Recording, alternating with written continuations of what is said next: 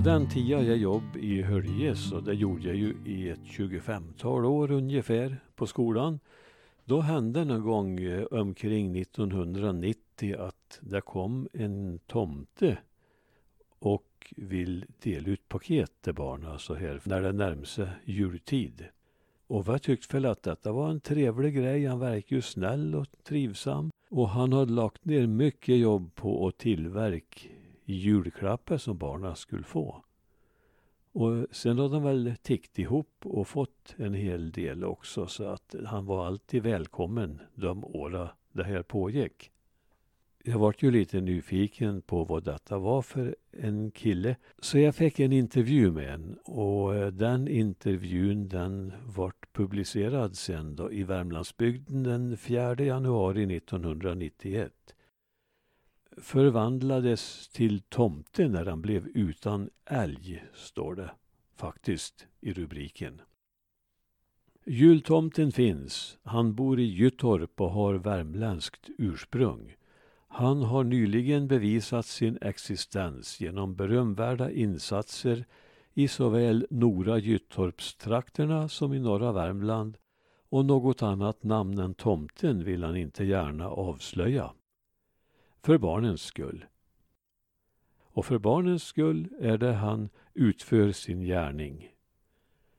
Pensionerad från yrkeslivet ägnar han sin tid åt att tigga pengar och presenter av olika företag för att glädja barnen vid juletid. Det händer också att enskilda personer lämnar ett rejält bidrag med bestämda adresser när de själva vill vara anonyma. Då har tomten tystnadsplikt och det blir också han som får äran, men det är han väl också värd för någon annan betalning får han inte. Det är betalning nog att se barnen glada, säger han långt inne i det yviga skägget. Han tycker om barn och han mår bra av att känna att känslorna är ömsesidiga. Numera har han blivit så bekant att han knappt kan visa sig ute i Nora Gyttorp förrän han blir omsvärmad av ungar. De kommer fram spontant och kramas och rycker i skägget för att se om det sitter kvar. Och det gör det. Bortåt 3000 paket slog tomten in under det gångna året och några hundra timmar har tomteverksamheten tagit honom. I slutet av november kom belöningen som samtidigt är den utåtriktade delen av jobbet, det vill säga själva tomteuppdragen. Ända fram till jul är det då bråda dagar och sedan efter en kort viloperiod börjar förarbetet för nästa jul. I Nora besöker han skolor, daghem, parklek, förskolor och dagbarnvårdare. Och så brukar han dyka upp i norra Värmland, i de gamla hemtrakterna i norra Finnskoga. Det var förresten där det började.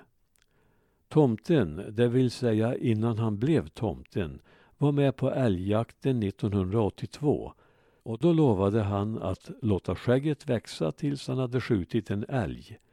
Och någon älg blev det tursamt nog inte.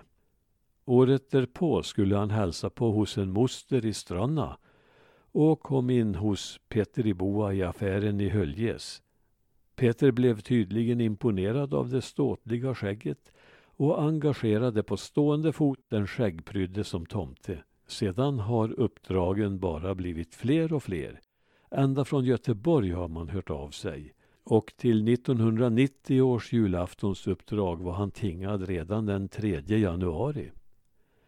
Nu går det inte att lägga av, för då fattas det något, myser han. Nu finns det de gamla finskogingar som efter att ha sett tomten tycker att han är väldigt lik en Klas Eskilsson som en gång för länge sedan bodde i Stranna. Denne man flyttade 1950 till Gyttorp och vem vet, kanske han är släkt med tomten eller om deras vägar på något outgrundligt sätt har korsats.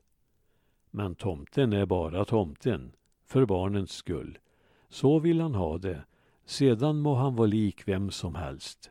Kan man bara glädja barnen så ska man det, säger tomten från Gyttorp och Norra Finnskoga. Och från Norra Finnskoga kom också sångerskan Eva Björklund. Här en julvisa.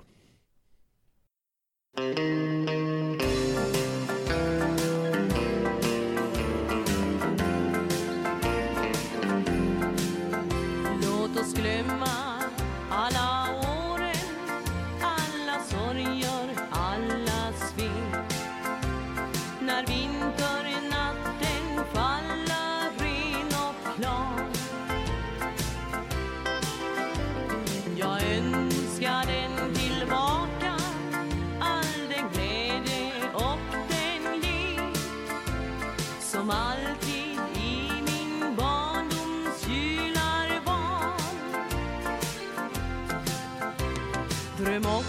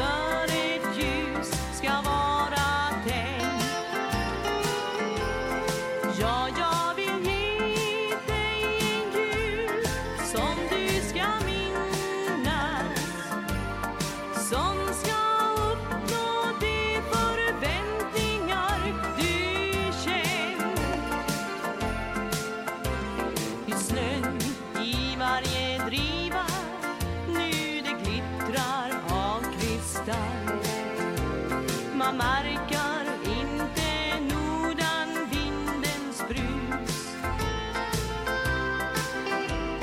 I varje litet fönster fastän kvällen är så kall.